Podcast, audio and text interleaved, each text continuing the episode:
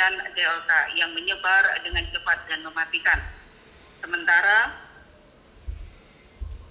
di dalam negeri tengah diwacanakan pemberian vaksin booster atau dosis ketiga untuk sektor prioritas. Apakah penca percepatan vaksinasi dan penyempurnaan vaksin merupakan respon yang tepat untuk menanggulangi pandemi selain tetap menjaga protokol kesehatan? Dan akankah virus corona dilemahkan setelah kekebalan komunal tercapai? Kami telah bersama dengan ahli biologi molekuler Indonesia yang juga dosen Universitas Yarsi, Ahmad Rusdan Utomo.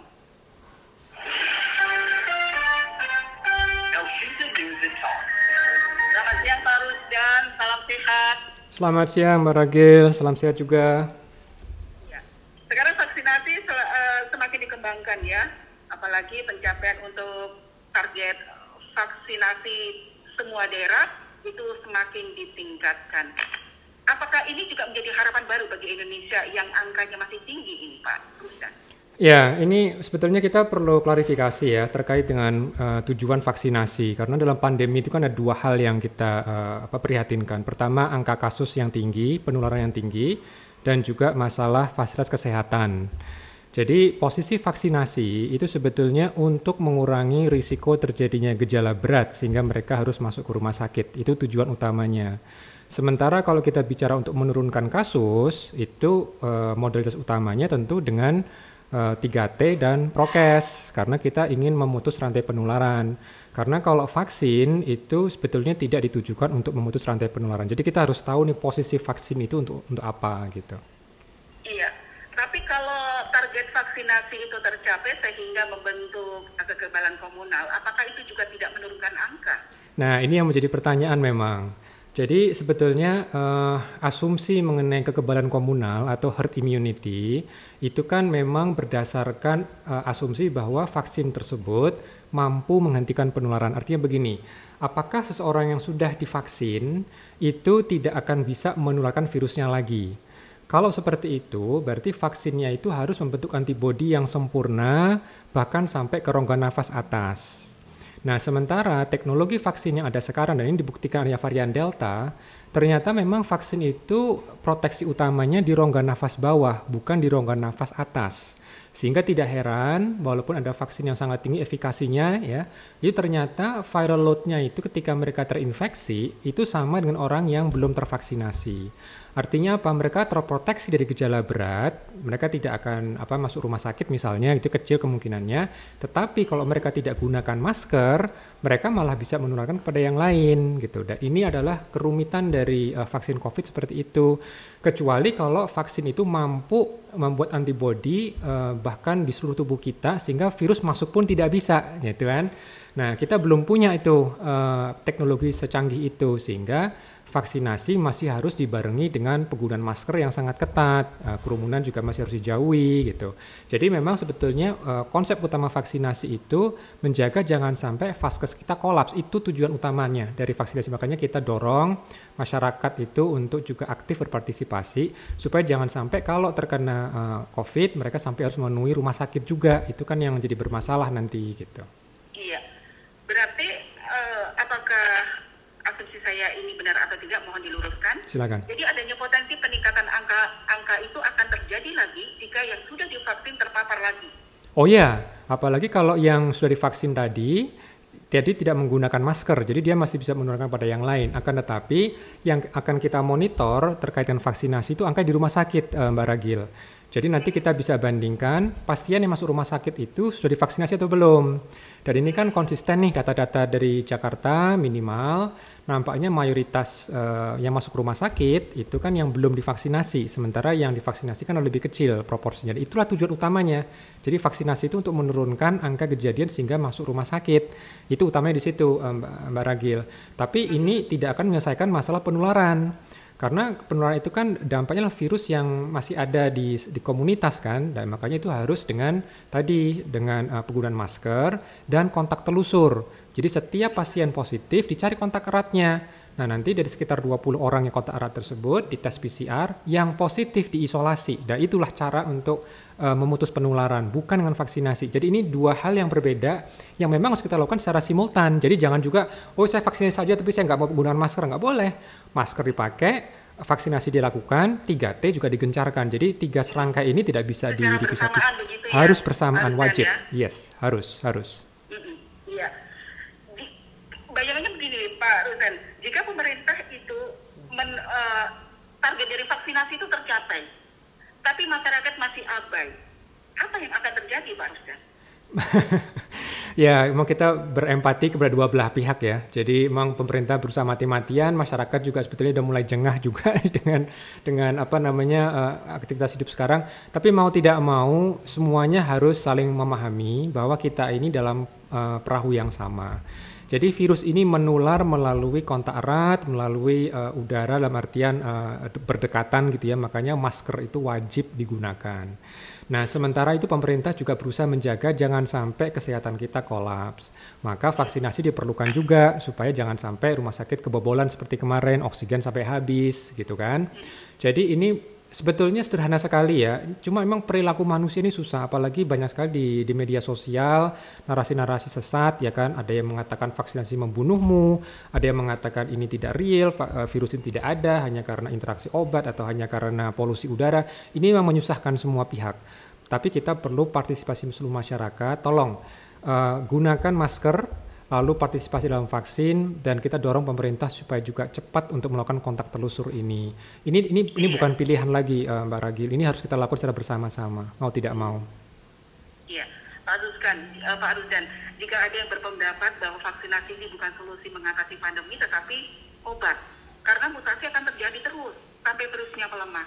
Ini bagaimana Oke, okay, ini memang dalam area uh, era informasi ini agak-agak unik ya apakah virus ini akan melemah? Ini coba saya sedikit biologi molekuler nih.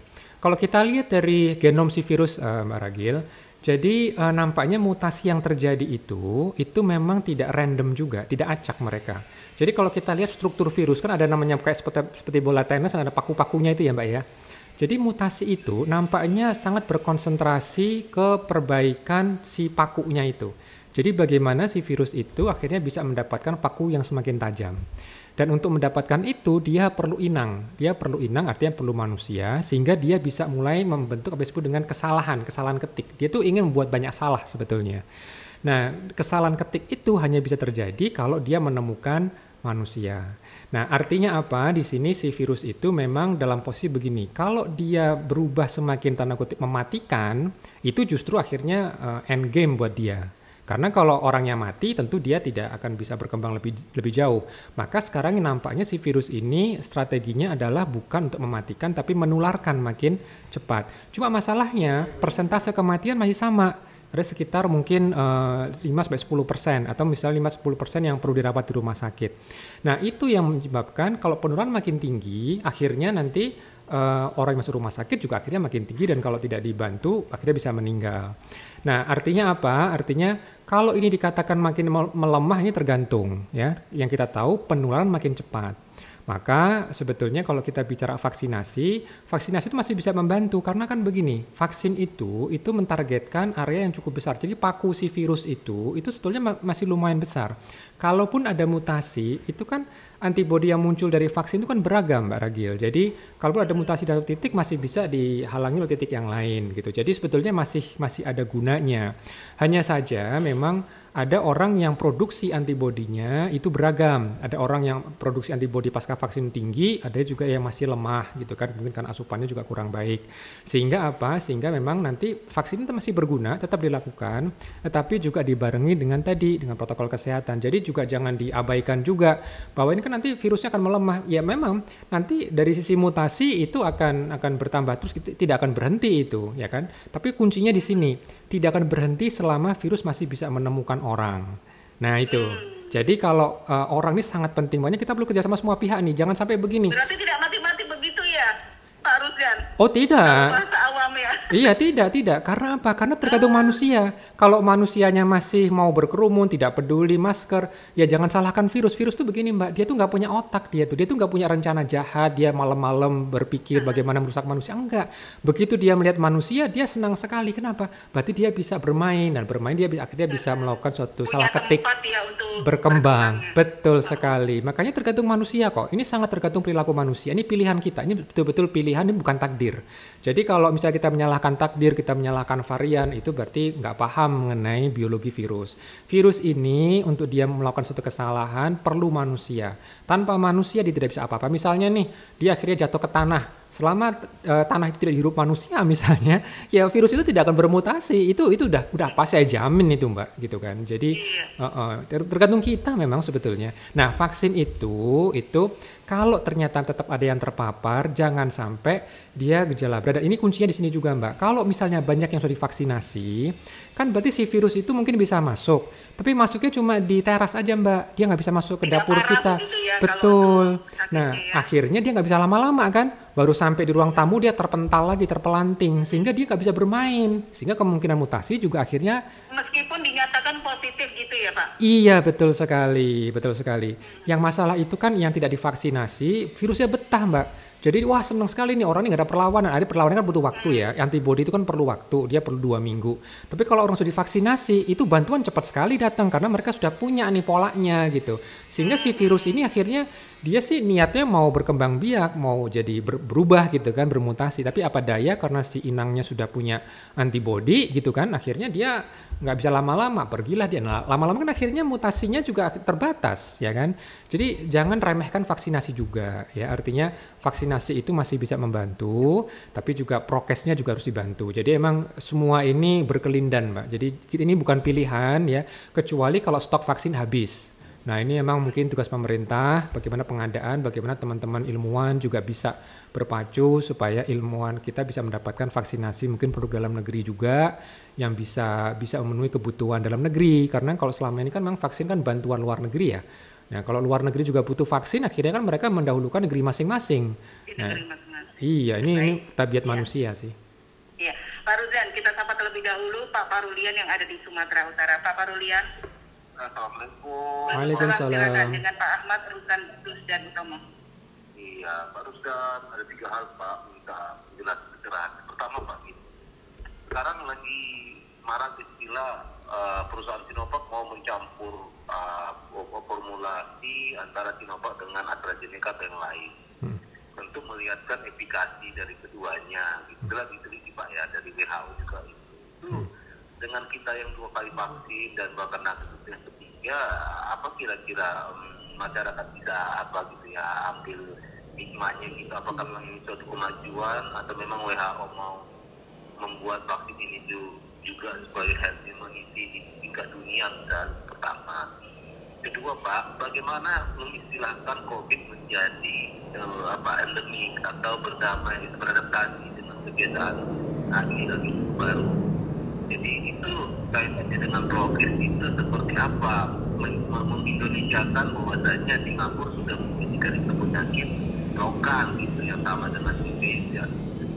Itu Indonesia bisa nggak? Dengan tak. Seperti itu mengindonesiakan COVID ini sebagai penyakit yang sama dengan terakhir Pak, terakhir mungkin bagaimana dengan plasma konvalen yang ini kan orang yang sudah kena COVID kalau sudah sembuh. Eh, itu darahnya bisa digunakan untuk pendonor yang lain apakah itu sudah ampuh juga menjadi meningkatkan kesembuhan di samping menggunakan uh, intermittent medicine atau hal yang lainnya penanganan Baik. ini uh, tracing tracingnya dan treatment itu tiga hal terima kasih Baik, terima kasih Pak Parulian. Sebelum ditanggapi ada Pak Hasan yang ada di Tangerang. Pak Hasan. Ya, baik. Mohon maaf Pak Hasan terputus. Silakan ditanggapi Pak Rudian. Ada tiga pertanyaan dari Pak Parulian. Ya, makasih Mbak Ragil, makasih Pak Rulian itunya. Nanti tolong diingatkan ya, pertanyaan masih aku lupa ada banyak sih. Yang pertama mengenai eh, booster ya berarti ya. Jadi Sinovac mungkin dicampur dengan yang lain gitu kan. Sebetulnya secara konsep uh, tanda kutip pencampuran tadi itu atau mengoplos itu uh, sudah terlihat di vaksin yang lain. Jadi misalnya vaksin AstraZeneca, lalu booster pakai Pfizer atau Pfizer di booster dengan AstraZeneca dan nampaknya tidak ada masalah. Jadi sisi keamanan tidak ada masalah. Hanya saja ini kita ini ada masalah yang lebih rumit ya dari sisi kebijakan. Kenapa? Karena untuk melakukan booster tadi itu pilihannya apakah kita mendahulukan mereka yang sudah pernah divaksin dua kali atau memperluas cakupan vaksin karena di Indonesia itu yang divaksin uh, dua kali pun itu nggak sampai 20% Indonesia Raya ya. Kalau Jakarta memang udah tinggi. Jakarta itu mungkin udah hampir lebih 70% tapi kalau misalnya kita mendahulukan yang booster sementara vaksin itu terbatas nampaknya juga tidak fair buat teman-teman yang belum mendapatkan vaksin. Jadi ini yang harus Kecuali di... ya Betul sekali, kecuali nakes. Nah, kenapa nakes akhirnya didahulukan mendapatkan Moderna? Karena memang Moderna sudah punya datanya. Mereka mereka bersama Pfizer, AstraZeneca ada datanya, bisa uh, apa namanya menahan atau mengurangi risiko gejala berat terhadap varian Delta gitu. Bagaimana Sinovac? Apakah Sinovac bisa? Saya nggak tahu uh, datanya. Ini tergantung datanya. Ini kita juga lagi menunggu-nunggu nih teman-teman dari Balitbangkes sedang bekerja keras saat ini untuk mengukur, menghitung sebetulnya nakes yang sudah mendapatkan vaksin dua kali dengan Sinovac itu berapa banyak sih untuk menghadapi ini Delta gitu. Nah, coba karena kan datanya belum keluar, sementara bantuan Moderna datang. Makanya tidak heran Moderna memang dikhususkan saat ini di, didahulukan untuk yang uh, apa namanya untuk nakes dulu. Jadi itu, jadi konsepnya itu. Jadi nggak ada masalah, uh, tapi memang kita harus lihat masih banyak sekali masyarakat kita yang belum kebagian vaksin. Jadi mungkin untuk masyarakat umum nampaknya booster belum didahulukan untuk saat ini, menurut saya ya, iya. gitu. Uh. Yang kedua, untuk plasma tadi. Oke, okay, plasma kon, oke, okay, plasma convalescence ini kalau kita lihat di datanya sebetulnya tidak untuk semua pasien COVID. Memang ini agak sulit ya karena kan kita bicara dengan uh, status orang keluarga yang kritis di ICU, mereka butuh plasma konvalens. Tapi kalau kita lihat datanya sebetulnya kalau sudah kritis, sudah dalam kondisi berat, itu mak, uh, kemanfaatan dari plasma konvalensi itu tidak begitu banyak, tidak begitu bagus. Sementara pool donor dari plasma konvalens sangat-sangat terbatas. Kalau kita lihat dari data yang mendapatkan manfaat yang bagus dari plasma konvalens adalah orang-orang lanjut lansia yang gejala COVID-nya masih relatif ringan, belum mendekati berat. Nah, ini sudah didahulukan karena kalau lansia itu kan ada kemungkinan dia memburuk. Nah, seharusnya memang plasma konvalensi itu hanya untuk orang-orang seperti itu. Jadi bukan sebagai kayak obat penangkal terakhir gitu ya. Jadi ini yang perlu kita pahami juga karena donor plasma konvalensi itu sangat-sangat terbatas. Jadi bukan untuk semua orang. Jadi itu yang perlu kita lihat dari data tadi itu. Itu yang iya. ada lagi nggak ya tadi? Ada ada lagi Pak. Apakah kita bisa disamakan dengan Singapura? Singapura oh, oke. Okay. kecil ya. Iya, iya. Bisa disamakan dengan Indonesia. Mengenai en mengenai endemik ya. Disama, disamakan dengan penyakit lokal. Oke. Okay. Jadi uh, kita bisa mengatakan penyakitnya sama. Jadi virusnya sama penyakitnya kok. Sama, ya? Penyakitnya sama. Memang kita beda orang, kita berjumlah orang, tapi sebetulnya mau jumlahnya jauh lebih besar, kuncinya di pemahaman uh, Mbak Ragil. Kalau semua orang sepakat, ini uh, artinya semua orang sepakat, ini kita masalah kita bersama, sepakat untuk gunakan masker. Seandainya nih, semua orang betul-betul sepakat keluar rumah gunakan masker, semua sepakat jaga jarak, tidak berkerumun. Jadi sebetulnya aktivitas ekonomi itu bisa berjalan kok. Yang penting jangan berkerumun, itu aja. Jangan berkerumun, jangan banyak bicara. Kalau perlu kita renovasi ini area-area yang uh, penuh tertutup, ini kan jalan dibuka lebar-lebar, uh, apa namanya AC dikurangi, gunakan kipas angin, kita bisa kok masih bisa beraktivitas. Belanja boleh asal kita punya aturan aja. Kita sepakat, oke okay, jangan rame-rame gantian misalnya gitu. Jadi satu-satu ya tertib tanpa harus suruh. Jadi kan sebetulnya semua ini kalau tertib kita paham itu kan mudah kan. Kasihan Pak polisi kita Satpol PP harus dikit-dikit ngatur gitu kan karena mereka juga terbatas. Tapi kalau ini dipahami secara meluas, kita udah saling paham, itu insya Allah kita bisa tanda kutip berdamai. Itu satu dari sisi perilaku masyarakat. Tapi yang kedua kita juga perkuat sistem surveillance kita. Jadi ketika ada yang positif, uh, langsung kita cari tahu secara sadar, mas, semua saling bahu-bahu. Oke, yang kemarin sempat bertemu dengan Pak ini siapa? Ayo kita bantu. Kita kita bantu dengan tes misalnya, kita isolasi dengan kita bantu logistik. Jadi betul-betul gotong royong kita itu kepake.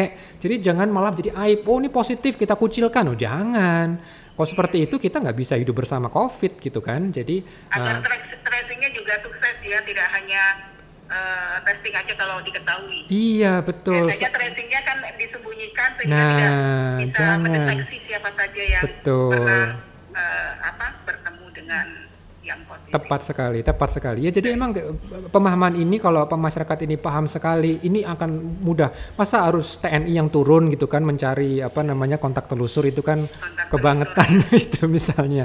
Jadi ya sebetulnya sederhana sekali kok. Virus ini Berarti de- dibutuhkan kesadaran masyarakat ya betul, Rusdan ya. betul sekali, betul sekali. Baik. Baik, terima kasih Pak Rusdan. Mudah-mudahan ini bisa menjadikan edukasi kepada masyarakat, pendengar kita yang masih terus di apa ditingkatkan untuk pemahamannya, jangan sampai lengah. Protokol kesehatan tetap harus dilakukan. ya Terima kasih atas waktunya, Pak Sinta, Pak Rusdan. Sama-sama, Mbak Ragil. Salam sehat, Pak Rusdan, ya. Salam tangguh buat semuanya.